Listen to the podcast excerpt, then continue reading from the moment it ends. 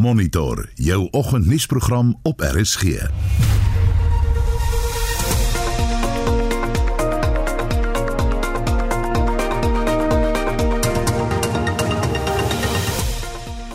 In vanoggend se program Eskom teken 'n groot netto wins aan.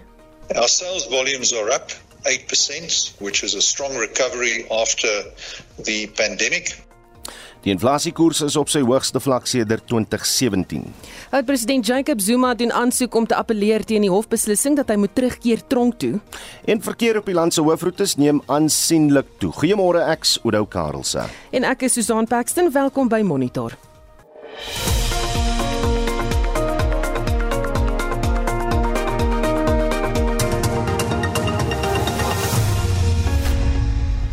12 minute oor 6. Welkom hier by Monitor. Uh, Heinrich Weingart staan by en Heinrich ek sien vandag in die koerante is dit 'n Jacob Zuma dag. Inderdaad, Oudo, goeiemôre. Zuma in tronk sal doodstraf wees, so lei die burger se hoofopskrif en uh, dis natuurlik wat hy en sy regspan aanvoer nadat die Noord-Gautengse Hooggeregshof gister beslis het dat sy vrylating op mediese parol onwettig en ongrondwettig was. Dit is deur die voormalige hoof van korrektiewe dienste Ate Vryse gedoen. Selfs al het 'n mediese verslag daarop gedui dat Zuma nie terminaal siek is soos wat wetgewing vir vrylating op mediese parol vereis nie. Dan ook 'n berig oor Riva Steenkamp se ouers wat 'n gesprek wil voer met haar moordenaar en ex-kerel die voormalige paralimpiese atleet Oscar Pistorius. Ehm um, Pistorius is reeds vir die doel vanuit Pretoria na 'n tronk in Kebega verskuif en dit sal deel wees van wat korrektiewe dienste noem die slagoffer oortreder dialoog.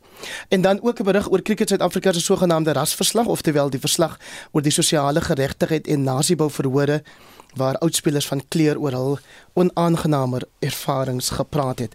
Geen uitgawe van beeld vandag nie, maar volkswapen.com berig ook oor die Zuma regspan se reaksie op gister se hofuitspraak en dan ook oor die departement van internasionale verhoudinge en samewerking wat sê Brittanje behoort Suid-Afrika te vergoed vir die ekonomiese skade wat die onlangse reisverbod op Suid-Afrika gehad het nadat die Omicron variant eerste hier by ons geïdentifiseer is.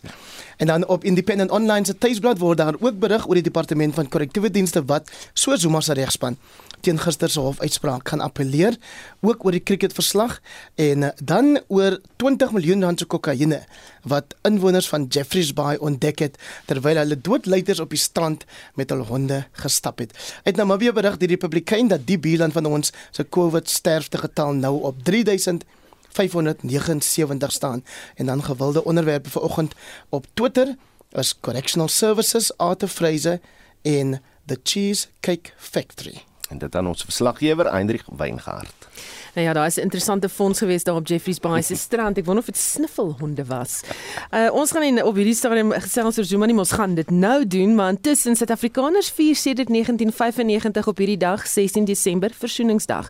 Sommige glo egter steeds dat dit gelofte dag is, 'n belangrike baken in Afrikaner geskiedenis. Ons wil vandag by jou weet hoe dink jy kan die land se mense nader aan mekaar gebring word en die skeidings eg of kunsmatig uit die weg geruim word sodat die betekenis van Versoeningsdag behoorlik uitgeleef word. Jy kan saamgesels deur 'n SMS te stuur na 45889 teen R1.50 per SMS. Jy kan ook jou mening deel op Monitor en Spectrum se Facebookblad of 'n WhatsApp stemnota vir ons stuur na 0765366961. Dis 0765366961. En nou gaan ons terug na die storie wat algaar in die eh, koerante verskyn. Die departement van korrektiewe dienste en die regspan van oud-president Jacob Zuma doen aansoek om te appeleer teen die hofbeslissing dat Zuma moet terugkeer tronk toe om die res van sy vonnis van 15 maande uit te dien. Die Hooggeregshof in Pretoria het besluit uh, beslis liewer dat die voormalige kommissaris van korrektiewe dienste Arthur Fraser se besluit om Zuma op mediese parol vry te laat onwettig en irrasioneel was. Nou die, Zuma het in Julie sy tronkstraf begin uitdien na sy skuldigbevindings aan minagting van die grondwetlike hof. Hy is wel in September op mediese parol vrygelaat. Vincent Mofokeng berig. 'n Woordvoerder van die Jacob Zuma Stichting, Mzwanele Manyi, sê Zuma se regspan gaan teen die hofuitspraak appeleer. Indeed, the legal team of His Excellency President Zuma has just delivered its application for leave to appeal in terms of Section 17 of the Superior Court Act on the grounds that the judgment is clearly wrong and there are strong prospects that the higher court will come to a totally different conclusion. Die DA Die burgerregteorganisasie AfriForum en die Helen Suzman Stichting was applikante in die saak wat gevra het vir die dringende hersiening van Zuma se mediese parol. AfriForum se hoof van beleid en aksie, Ernst Roots, beskou die uitspraak as 'n deurbraak vir geregtigheid. Die publiek is al vir 'n tyd lank bekommer dat daar dubbele standaarde in die Suid-Afrikaanse regstelsel is en dat senior politici of mense met politieke verbintenisse nie dieselfde hanteer word as wat gewone landsburgers of die res van die publiek hanteer word nie. Dit is juis waarom AfriForum as applikant by hierdie saak betrokke geraak het en dit is ook juis waarom ons hierdie uitspraak as 'n deurbraak vir geregtigheid beskou.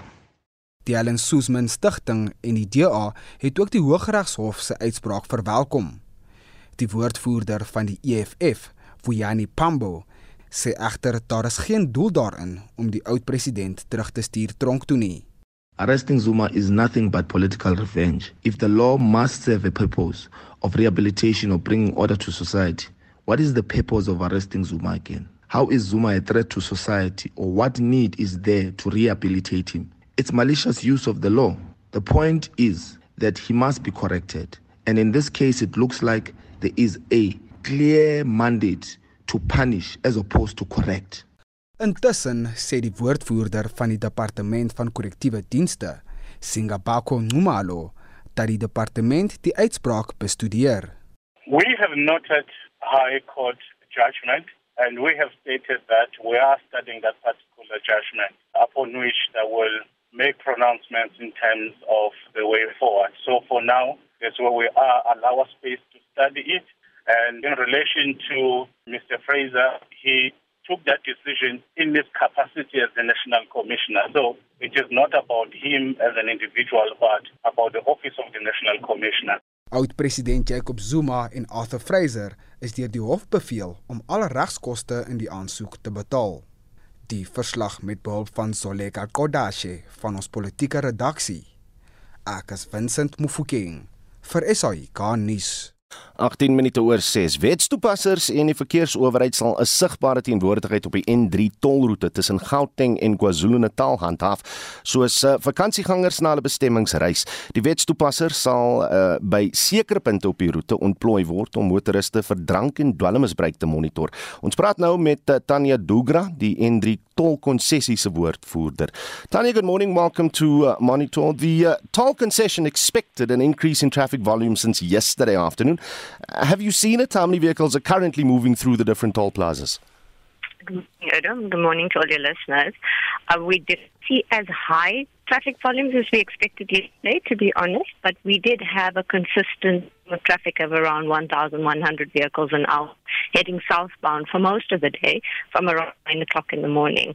Um, this morning, since 5 o'clock, we've already reached highs of about 1,500 vehicles an hour heading south through the De Hoek Plaza, so people have started moving early. So, comparatively to trends in previous years, how are those volumes going to build over the next few days? Well, we're anticipating that it's going to be very busy during the course of today. Um, that this extremely high volume should now at about six o'clock, where it's over 1,500 vehicles an hour, and that that should continue for most of the day, with it being really busy until the early afternoon or late afternoon, around 3, 4 o'clock. Have we seen any major accidents yet? We have had some incidents, fortunately, nothing really major. Okay, that's that's a good thing. If I travel between Johannesburg and Mpumalanga right now, there is plenty of road works taking place on the N3 uh, toll route. Uh, talk to us about what's happening there. Well, happy to report that the entirety of the N3 toll route is open to traffic with both lanes open in all directions.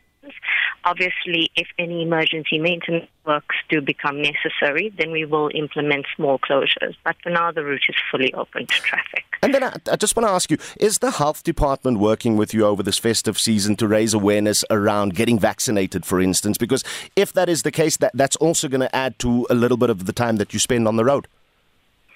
Well, I'm not aware of any specific deployments of the health department with vaccination efforts right now, um, but I do know that there's constant engagement with all of the, the health, all of the departments, you know, law enforcement, health, etc., etc. So they are deploying as is essential and as is necessary. All right, so before people head onto the roads and, and head out your way on the N3, what advice do you have for them?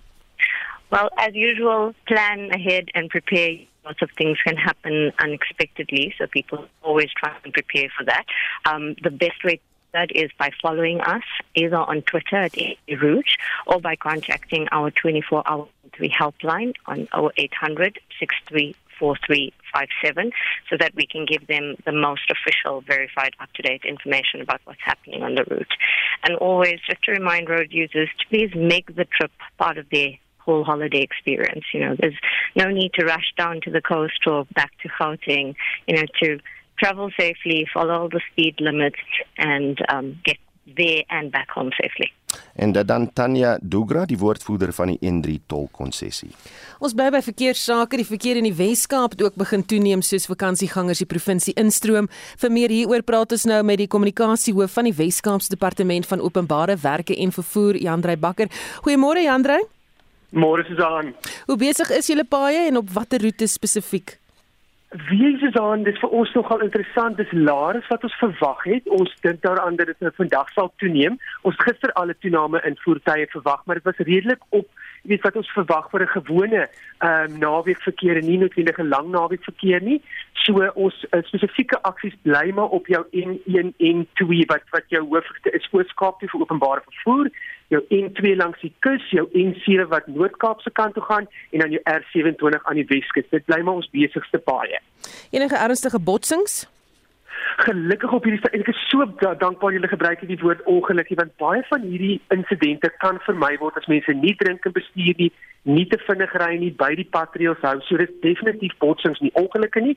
Op hierdie stadium is dit redelik stil. Ons het 'n paar insidente in die week voor die lang naweek gehad um, waar mense roekeloos bestuur het deur verby te steek teen sperstrepe um, of nie noodwendige veilige afvolgafstand te hou nie wat dan nou 'n botsing veroorsaak het. So op hierdie stadium is daar gelukkig um, nog nie insidente nie, maar ons bly op die pad, ons bly oop. Een van ons groot fokusse bly ons tamheidsbestuur operasie buite Rietfontein um, in die in die uh, daar naby Beaufort Wes, juis om te kyk dat die ouens nie moeg is as hulle bestuur nie, want dit is een van die van die stille moordenaars op ons paaie. Op watter ander verkeersoortredings gaan julle fokus?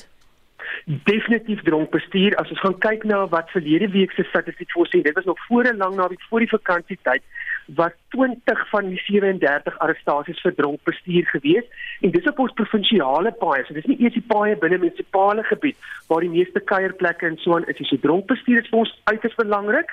Ehm um, te vinnig ry is vir ons 'n ander probleem en dan kyk ons natuurlik ook uit vir daai regulasies vir binne die uh, nie binne die ehm um, aandklokreëlterrein nie, maar dit is op hierdie stadium ons groot fokus bly dronk bestuur en spoed.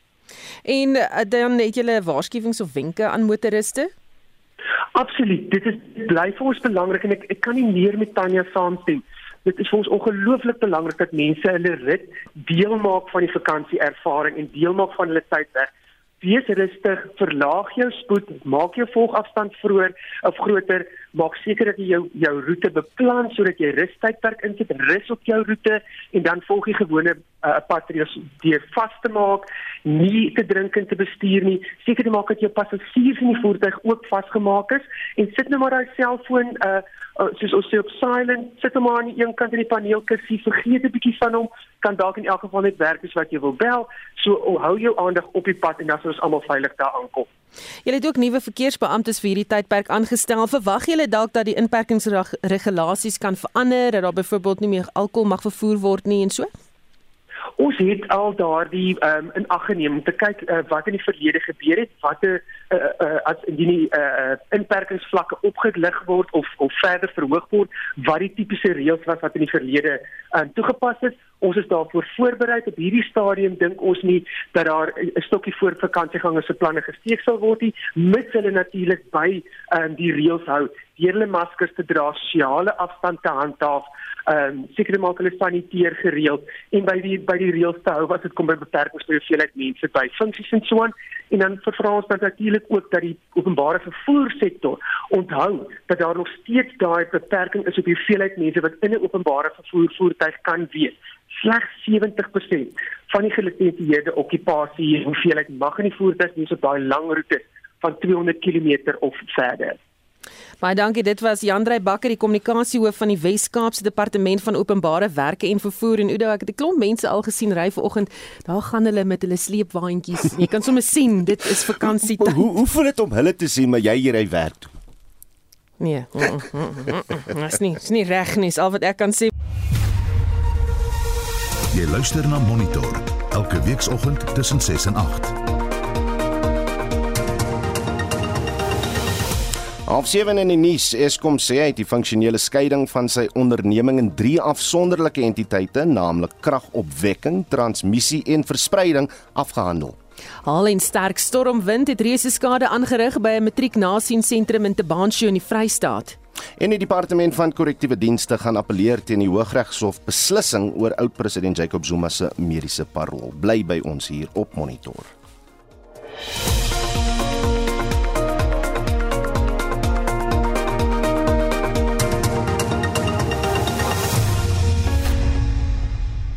Die Weingart, wat sê die mense? Ons wil vanoggend weet Oudo, hoe dink jy kan die land se mense nader aan mekaar gebring word en die skeidings of dit nou erg of kunsmatig is, liewer eg of kunsmatig is, uit die weg geruim word sodat die betekenis van versoeningsdag behoorlik uitgeleef kan word. Gwyneth Holshausen sê ons probeer al vir 26 jaar die versoening ding doen. Dit moet deur almal gedoen word en nie tot net van een kant af nie. Daar is 'n belofte afgelê wat ons Afrikaners moet eerbiedig op 16 Desember en so sal dit altyd vir my wees. Brian Stevens wil dan weet of, of Gwyneth vir hom meer kan vertel, maar sy het dit nou nog nie gedoen nie. Susanna Aiden reeks sê gelofte dag, 'n belofte aan God moet geëer word. Dit is deel van ons erfenis, 'n boere trots. Susie Montgomery sê ai as ons van politici ontslaak gaan raak. Ek kan so goed verstaan dat die voortrekkers by Bloedrivier die gelofte afgelê het. Dis wat mense dikwels doen as hulle die dood in die gesig staar onderhandel met God, maar vir my as 'n Christen is gelofte dag nie reg nie. Dit strook nie met die Bybel nie en dit kan lyk of ons voel God is nie die God van Zulus ook nie en hy is. Nelly Skuman sê eintlik kan dit lyk soos wat dit wil. Ons voorouers het 'n gelofte aan God gedoen. Hy het hulle beskerm en ons behoort om daarvoor te bedank. Dan sluit ons nie die Zulus uit nie. Hy het vir ons almal aan die kruis gesterf. En dan takel twee luisteraars mekaar Anton Rautenbach wat sê waarom moet daar versoen word? Die moorde by Bloukrans, Dingaan se verraad, voortrekkers wat het noodweer opgetree het en nou die skuld kry. Is daar tot vandag toe dan geen gevolge vir korrupsie nie? Ek vra maar net. Johan Eberson antwoord dan man, dit was amper 200 jaar gelede. Jy was eens daardie. Nou wil jy verbitterd wees oor iets wat jy net in boeke gelees het. Anton kap terug en jy hoor stemme. Dan sê Johan, maar ten minste probeer moet jy probeer om dit wat jy lees reg te interpreteer. Nou ons wil hê elkeen moet vrylik en sonder om beledigend teenoor mekaar op te tree hul menings oor ons luisteraars vraag deel. Wat dink jy kan gedoen word om ons mense nader aan mekaar te kry en jy kan natuurlik vir ons 'n SMS stuur na 45889 of jy praat saam op die Monitor en Spectrum op RSG Facebookblad. Baie dankie Heinrich, klomp mense wat saamgesels. Jy kan ook vir ons oor ander kwessies wat jy voel dalk aandag moet geniet van die stories kan jy saamgesels. Jy's welkom oor enigiets te praat. So gaan gesels gerus daar saam. So 6:34 jy luister na Monitor Statistiek Suid-Afrika het gister verskeie ekonomiese aanwysers vrygestel. Eskom het ook sy finansiële resultate vir die 6 maande tot September bekend gestel. Om die data te ontleed praat ons nou met die ekonom Mike Schuessler van economist.co.za. Goeiemôre Mike. Goeiemôre Susan. Die verbruikersprysinflasie indeks het van 5% in Oktober vanjaar tot 5,5% in November gestyg in stedelike gebiede. Hoe interpreteer jy dit? Wel, ek dink ons gaan nou inflasieprobleme begin kry en die Reservebank uh gaan nie te gretig wees om rentekoerse op te styg uh, uh, um, op te laat styg in hierdie baie swak ekonomie nie.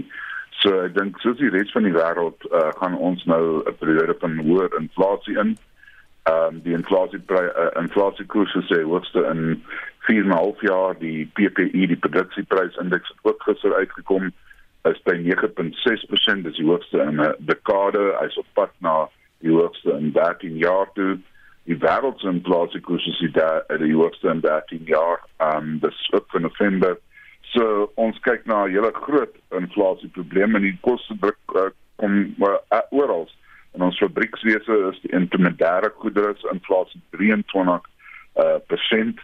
Ehm um, dit sê vir jou die die die volgende stel goedere wat na ons toe kom as verbruikers wat hier vervaardig word gaan duurder wees en dit is uh, reg deur die bank. Dit word natuurlik gedryf deur die OSM deur energiepryse by die uh elektrisiteit en natuurlik uh olie en dan um, baie ander uh druk van die kommoditeitspryse af wat begin deurkom en uh, dit gaan dinge baie duurder laat uh, word in die volgende paar maande. Die syfer is nog in die teikenband van die Reservebank. Ja, dit is nog, maar hy mik op pad op um, om maar op persent te styg binne 'n maand. Sê vir jou daar is baie groot probleme op pad ons dan Desember gaan uh, hoor wees. Ehm um, ek dink die oliepryse en so aan het nou 'n bietjie afgekom en dit koel bietjie die hele situasie af. Maar ons sien wêreldwyd hierdie tipe van druk en ons sien ook 'n swakker rand. So die pryse van ingevoerde goedere gaan opgaan, die prys van plaasgevaardigde goedere wat nou ehm um, die intermediêre die uh, deel daarvan met 23% gestyg het sê vir my dat mense uh, uh, eerstens in hulle marges gaan ehm um, in eet maar uit uit die fabrikante en so aan maar ek dink die uh, eindeinde gaan wees hoë inflasie ek dink uh, ons sal buite die bank van inflasie gaan binnekort aan hmm. die kwartaallikse indiensnemingsstatistiek vir September vanjaar toon indiensneming het met 52000 werksgeleenthede of 0,5% kwartaal op kwartaal tussen Junie en September gestyg. Ehm um, hoekom? Die grootste rede hiervoor Susan is dat um, ons besig was met 'n verkiesing onthou jy daar was 'n registrasie naweek um 'n paar maande uh, voor die verkiesing en dan het ons die verkiesing in November maar hierdie is vir die derde kwartaal so dit was die tydelike indiensneming van omtrent 108000 mense uh, in die staat wat die staat in diens neem tydelik en dit was die grootste dryfveer so as jy na die voltydse werkers kyk het dit eintlik met so omtrent 23 uh duisend mense afgeneem. Um so dit sê vir onderliggend uh die ekonomie nog steeds nie herstel nie en dit is eintlik baie baie sleg nuus. Ons sal sien in die vierde kwartaal sal daar weer 'n 'n 'n klomp tydelike mense wees en ook oortyd vir die polisie en uh, so aan met die verkiesing op 1 November maar daarna dink ek gaan ons baie met fyn dophou wat gebeur in Januarie. Ehm um, en dit is wat my bekommerd is dat die uh, deeltydse werk het skerp toegeneem met oor 100 uh, um, 1000 133000 maar die uh, res van die uh, land die voltydse werksgeleenthede het afgeneem en dit is uh, kommerwekkend. Die gemiddelde salaris is hoër as inflasie, uh, nog 'n inflasionêre punt 6.6% op. Uh, so die mense wat werk het doen heel goed in die situasie. Hulle verdien uh, gemiddeld meer of hulle verhogings gemiddeld meer as die inflasiekoers maar ehm um, daar's al minder voltydse werk en dit is bekommer. Ja. Eskom sê hy het 'n 9 miljard rand interim netto wins getoon maar verwag steeds 'n verlies vir die volle jaar. Kom ons kyk gou na daai syfers. Ja, dit is eenvoudig om te verduidelik in die sin dat hulle in die wintermaande wat ons nou agter ons het, uh die 4 van die 6 maande of 5 van die 6 maande is wintermaande gewees en hulle vra baie hoë prys vir hulle elektrisiteit ehm um, aan die uh, groot verskaffers in die wintermaande en ehm um, dit het 'n baie groot verskil in hulle inkomste gemaak. Natuurlik daal die prys dan weer in uh, uh in die somermaande wat hulle volgende 6 maande is en dit beteken hulle gaan nie vir die volle jaar uh wins maak nie. Die ander probleem is wat hulle het is ook ander pryse het ook begin styg so steenkool ehm um, ek neem aan hulle arbeidspryse ook en dit gaan uh uh ook die koste druk op Eskom laat toeneem dan was daar ook 'n berig met albei ehm um, waar 'n mens gekyk het uh, dat hulle dat hulle 300 miljard gaan kos Susan om alle steenkool kragstasies uh so reg te kry uh dat hulle uh, die omgewingstoets sal slaag. En ek weet hulle daar reeds baie naby aan 400 miljard se skuld hulle dit daarom afgebring. Ek moet sê die finansiële syfers op die skuldkant lyk baie beter maar jy kan nie nou nog 300 miljard uitgee om elektrisiteit in die gang te om om omgewingsredes nie. Ek, ek sien nie dat dit dan baie geld het nie. En uh, dit gaan natuurlik deur syfer weer eens na die verbruiker toe. Ja nee absoluut. Kyk ons kyk nou na aansoek van Eskom wat dit so 20.5% ehm um, hoër elektrisiteit sal beteken. Hulle gaan ook 'n verhaling sal hê vir ander jare uh, wat ook nog ergens in die pipeline is. So volgende jaar verwag ons dat uh, elektrisiteitspryse hier by die 20% gaan toeneem weer eens nadat hierdie jaar uh, omtrent so 14-15% toegeneem het. Ehm um, dit is regtig 'n baie groot koste druk. Die ander ding wat te begin met druk raak ehm um, of al is is die water ehm um, alhoewel hierdie keer uh, is die water net 4.5% op ehm um, op die uh, uh, PPE op die PPE is water besig om te styg en dit is ook 'n bekommernis want dit beteken ons gaan later hierdie probleem uh moet aanspreek en dit is uh, iets wat onderliggend is ja. en ons kan ook nie sonder net soos ons nie sonder elektrisiteit kan uh, en nie kan ons nie sonder water leef nie. Baie dankie, dit was die ekonom Mike Schuessler van economist.co.za.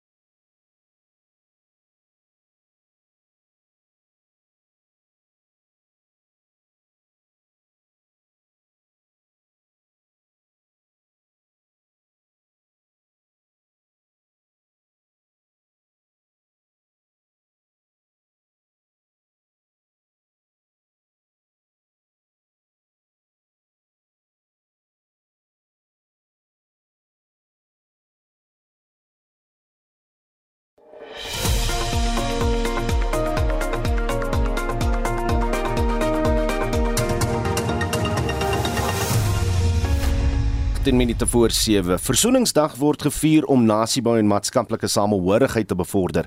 Dit word ook in die Afrikaner gemeenskap gehuldig as die ou gelofte dag terwyl dit aan die ANC kant onthou word as die dag waarop die organisasie se militêre vleuel Umkhonto weSizwe gestig is.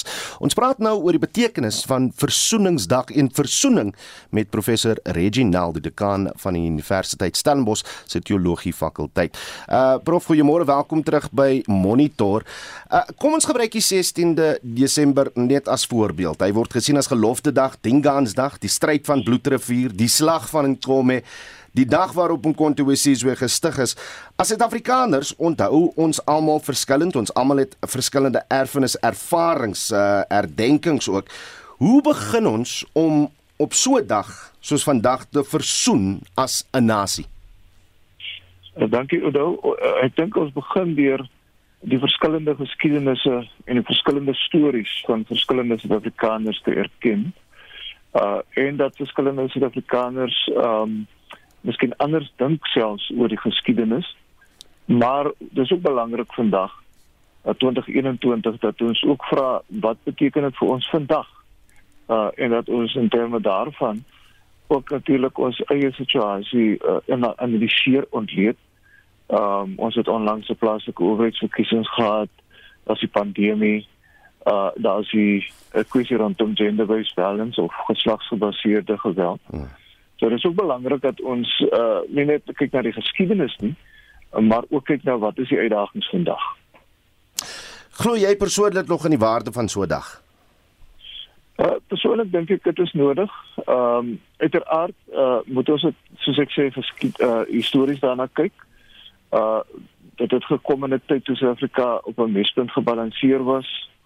Uh vandag is dit nog relevant want soos ek vroeër genoem het, soos kyk na die pandemie, dan het hulle weer ons ongelykhede uh geontmasker. uh dit het natuurlik ook uh relevantie soos ek genoem het vir geslagsgebaseerde geweld en as ons kyk die uh die die krisis waarmee ons sit, mense kan almal sê sommige mense praat van 'n ander pandemie rondom geslagsgebaseerde geweld, dan is dit nodig dat ons weer praat oor wat beteken versoening. Hmm. Uh wat beteken dit dat ons as Suid-Afrikaners soms jy weet mekaar aan die kele gryp. Um as ons kyk die uitslae van die plaaslike oorheidsverkiesings dan lyk dit asof uh die partye wat nou soort van in die middelrond is, middelregs, middellinks, uh nie so goed gedoen het nie, maar dit wel uh, die partye meer na jou as ek dit nou so mag noem aan jou ekstreme kant ver links ver regs uh nogal nie te sleg gedoen het nie. So dit dit sê vir ons dat daar is uh, 'n nood, daar is 'n krisis uh rondom verhoudinge, maar ook oor hoe ons uh Suid-Afrika wil wil sien en wil bou as ons 'n toekoms saam met mekaar wil bou. Ons koerante vanoggend berig nou oor die sosiale geregtigheid en nasiebou verhorings mm. wat uh, wat uh, Cricket Suid-Afrika uh, nou net klaar gemaak het. Erken ons gereeld genoeg die onregte van die van die verlede? Ek dink ons het uh, te maklik die soos ons die uitdrukking gebruik die boeke probeer toemaak. Uh ek dink die uh soos jy sê die situasie in Cricket Suid-Afrika uh dat dit sê vir ons dat ons as Suid-Afrikaners is is geras. Hmm. ons dink in rasterme. Uh dit speel uit soms in 'n onbewaakte oomblik, ander kere uh speel dit uit wanneer ons beleid vorm, ander kere uh speel dit uit wanneer ons onder druk is, né? Nee? Ehm um, maar uh ons moet nie dink dat dit is verby nie. Ons moet ook nie dink dat uh enige van ons uh jy weet gevrywaar is van van daardie tipe denke nie. So die beste is uh Udo en ek dink die les wat ons nou uit Cricket Suid-Afrika kan leer die beste is dat ons dit maar net uh, soort van soos in Engels sê head on moet face. Hmm. Aan die een kant dat ons erken ons het uitdagings en aan die ander kant dat ons uh programme in plek moet sit dat ons uh as 'n ware intervensies in plek moet wat doelbewus werk aan aan aan uh versoening. Nou mense kan natuurlik ook aan die ander kant met dit byvoeg net aan versoening dink in terme van verhoudinge nie. Maar versoening uh, is nie net verhoudinge ons ons verstaan mekaar maar net verkeerd nie. Hmm. Versoening is ook dat ons in plek moet sit uh uh let's kom ons noem dit geregtigheid. Jy weet uh, hmm. prosesse wat wat mense se menswaardigheid erken uh, ongeag jou klas, ekonomiese klas, ongeag uh jou velkleur, maar ook ongeag jou uh, geslag. So so uh, en, en selfs uh, sexual minorities, uh, dis nou die Engelse woord waar uh dat 'n mens mense as as as waardig inherent waardig uh, moet beskou en lyk vir my daar's 'n klomp goeders wat ons moet onleer en daar's 'n klomp goeders wat ons moet byleer. Uh as ons werklik waar saam met mekaar 'n uh, toekoms wil bou. Ek sien 'n peiling deur die Instituut vir Rasseverhoudinge, 'n dui daarop dat wit mense veral in Suid-Afrika voel daar word deesdae meer rassisties teenoor hulle opgetree. Ek wil net uh, net 'n vinnige klankgreep speel van die instituut uh, se Gabriel Krause.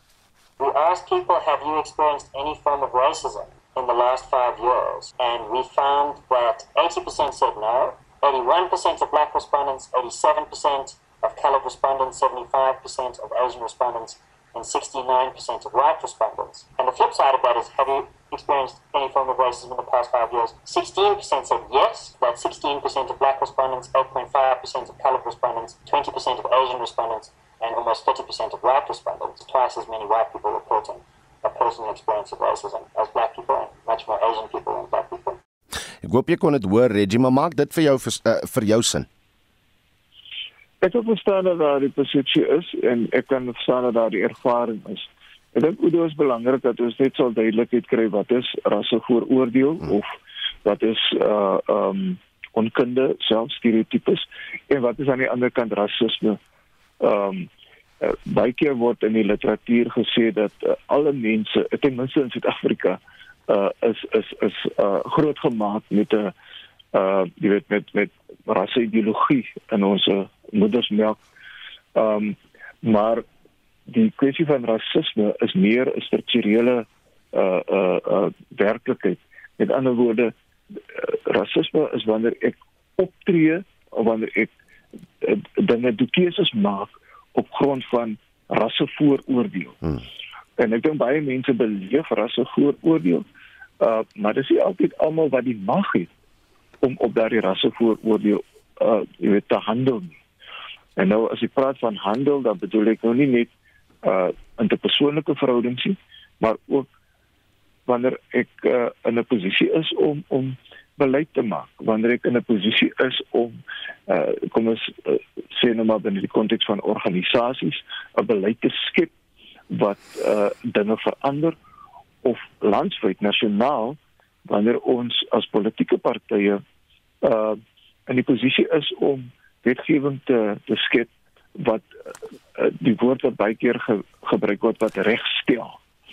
Nou wanneer ons op daai vlak beweeg, met ander woorde op 'n strukturele vlak, dan lyk dit vir my dan kan ons praat van uh meer uh, uh sistemiese rasisme. So, Oudo, ek dink dit is baie belangrik dat 'n mens net hy hmm. onderskeiding sal maak. So in in 'n netedop ehm uh, Suid-Afrikaners ons as as land ehm um, ons baie van ons generasie het groot geraak met 'n goeie dosis van rassevooroordeel en ons moet doelbewus daaraan werk. Hmm. Maar dan op 'n verdere vlak moet ons ook saam met mekaar werk aan die uh, mense kan byna sê aan die in Engels word baie keer die woord dismantling om om rasisme binne strukture ook te ontmasker en dit te verander sodat daar uh, uh, uh ek bedoel sodat ons ons saam met mekaar sodat daar 'n toekoms is. Uh, Reggie Lastens en en en net so kortliks, jy praat nou van mag en strukturele werklikheid. Tot hoe mate verhoed die ekonomiese ongelykheid in die land behoorlike vordering met versoening? Dit dit is eintlik uh, asof waar die olifant in die in die in die kamer, né? Nee. Uh en en die pandemie het dit weer eens gewys dat die wat aan die onderend van die uh, uh, uh as ware van die spektrum is, hulle leef dit erger. Die werklikheid is dat die meeste mense wat arm is vandag is swart bruin mense. Ehm um, en daarom loop die lyne saam. As ons aan ekonomiese geregtigheid gaan aandag gee, oordeel ek uh dat ons gaan begin ook om aandag te gee aan die kwessie van rasisme. Ehm um, en dan die ander kant van die saak is ons kan nie aan rasisme aandag gee as ons nie die kwessie rondom ekonomiese inperking on ongeregtigheid en ongelykheid uh, aanspreek nie. Ons kan nie rasisme oplos solank as wat die uh, ryk arm skeidslyne op op op kleurgrense hardloop nie. Dit dan professor Reginald de Dekan van die Universiteit Stellenbosch se teologie fakulteit. Die vakbond Nehou waarsku dat werkers in die parlement volgende jaar met 'n volskaalse staking sal begin indien die bestuur nie toegee aan hulle eise vir 'n salarisverhoging en beter voordele nie. Salarisonderhandelinge in die wetgewende sektor, insluitende agt provinsiale wetgewers, het in die 2020-2021 geldjaar misluk. Werknemers eis 'n 4% verhoging terwyl die werkgewer 'n eenmalige 3% kontantbetaling aanbied. Winsin Mofokeng doen verslag.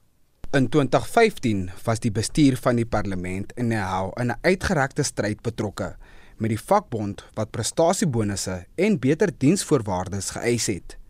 Die vakbond sê al aanvanklike eise was vir 'n verhoging van 8% vir die 2021 en 2022 boekjare, maar dit is later na 4% hersien.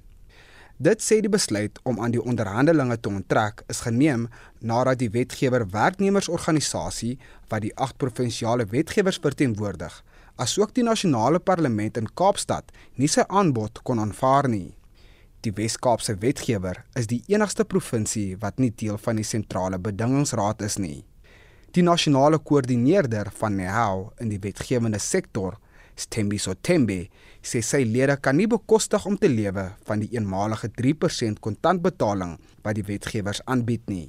If you look at the things that I've mentioned, the issues of fuel, the issues of rent rates, the issues of electricity, the issues of food, the issues of transport, the fact that they have to pay medical aid, the fact that in January schools are opening, we have to pay school fees, it does not respond to our request. Die meeste van die parlement se sake word deur virtuele platforms gedoen as gevolg van COVID-19. Dit sluit in die staatsrede in die parlement deur president Ramaphosa en die toesprake deur premiers in die verskillende provinsiale wetgewers. Die vakbond het beloof om volgende jaar ontwrigting in al die platforms van parlemente te veroorsaak as daar nie aan hul eise voldoen word nie. We've also met our members to say next year we'll embark on strike, which means other businesses of parliament, like the state of the nation, state of the province address, the public hearings, committee sittings, and everything that is associated with parliament won't continue as normal. We'll do our best to disrupt it because we want the attention of the employer. Want the employer to be sensitive to the plight of the workers. workers are suffering. Tembe het die senior bestuur in die parlement die skuld gegee vir die dooie punt. And the challenge that we have is that we do have a lot of arrogance. For instance, when we met here in Cape Town on the 9th and 10th, there was no one representing national parliament in the negotiations. And the parliament is the leading figure in terms of disrupting uh, the objectives of the sector. Are the ones who are raising this issue to say they cannot afford. Yet they have made so much savings, which are close to 300 million. And the projections are that they will underspend again for this financial year. Tuma Mopelwa, die groep sameroeper van die Suid-Afrikaanse Wetgewersvereniging, was nie beskikbaar om kommentaar te lewer nie. Die verslag is saamgestel deur Abongwe Kobokana in die parlement. Ek is Vincent Mufokeng vir SAK nuus. Sandparke vra dat besoekers aan die nasionale parke geduldig moet wees met al die prosedures by die ingange na die wildtuine. Die woordvoerder van die nasionale kreerwildtuin, Ike Pachla, sê sandparke gaan baie streng wees met COVID-regulasies en dat daar slegs 'n beperkte aantal mense aan die park toegelaat sal word. Today marks the official start to the holiday season at Sun Parks and Kruger National Park.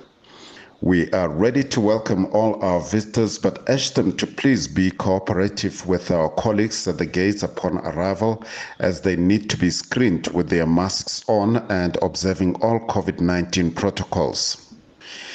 Gate quotas uh, will be implemented starting from today until the 11th of January for day visitors. This is a management tool to ensure a pleasant experience for our visitors and to mitigate against overcrowding at facilities. Guests can book one of three time slots. The first one being at 5:30 in the morning to 7:30. The second one is 7:30 to 9:30 and the final one is 9:30 onwards. We urge all visitors to book online to minimize crowding, to follow the rules of the park as displayed on the permit. Our law enforcement officers will be on the road to monitor behavior at big sightings and to enforce the speed limit. We are requesting all visitors to please keep their waste in their cars and dispose of them at designated areas. No alcohol is allowed for day visitors, and we have instructed our gate officials to thoroughly search all vehicles. We wish everyone a pleasant stay and experience at the Kruger National Park and can't wait to meet you. En dit was Ike Pachla, die woordvoerder van die Nasionale Kreer Wildtuin. Meneer Weingart, hoe bou 'n mens 'n nasie? Oor Versoeningsdag en uh, wat vir ander mense nog gelofte dag is, sê Dani Lou die ANC wat nog nie die verlede vergeet het nie en aan erge transgeneratiewe posttraumatiese stres versteurings ly agtergeblewe is en nog nie besef het die voor 94 oorlog is verby nie moet eers van die toneel verdwyn waarna alle mense in Suid-Afrika dan die werklikheid van die voortrekker verlede en nalatenskap van die voortrekker sal moet erken en aanvaar en dan sal daar versoening wees En dan uh, hierdie een van Jan Libbe, hy sê ek vier gelofte dag. Versoeningsdag is 'n ANC en linkse libera liberale dekmantel om die Afrikaanse kultuur en erfenis te verwoes. Die ANC kan nie eers onder mekaar versoen nie. Kyk hoe verdeeld is hulle moer mekaar uit om regeringsposte te kry en steek mekaar in die rug. Barend van der Merwe sê, "Da's 'n ja, die boervolk staan mos altyd saam soos een man." En dan sê Theodor Niels, hy verkies nogal dit wat Jan Libbe noem die linkse liberale dekmanteldag. 4589 dis ons SMS nommer. Stuur gerus. Reg, na 7, uh, as dit kom by ons minister, is wie slaag, wie dryp, wie moet aanpassings klas toe. Uh, ons gaan 'n bietjie ontleding hê daaroor, maar vir nou eers die jongste nuus.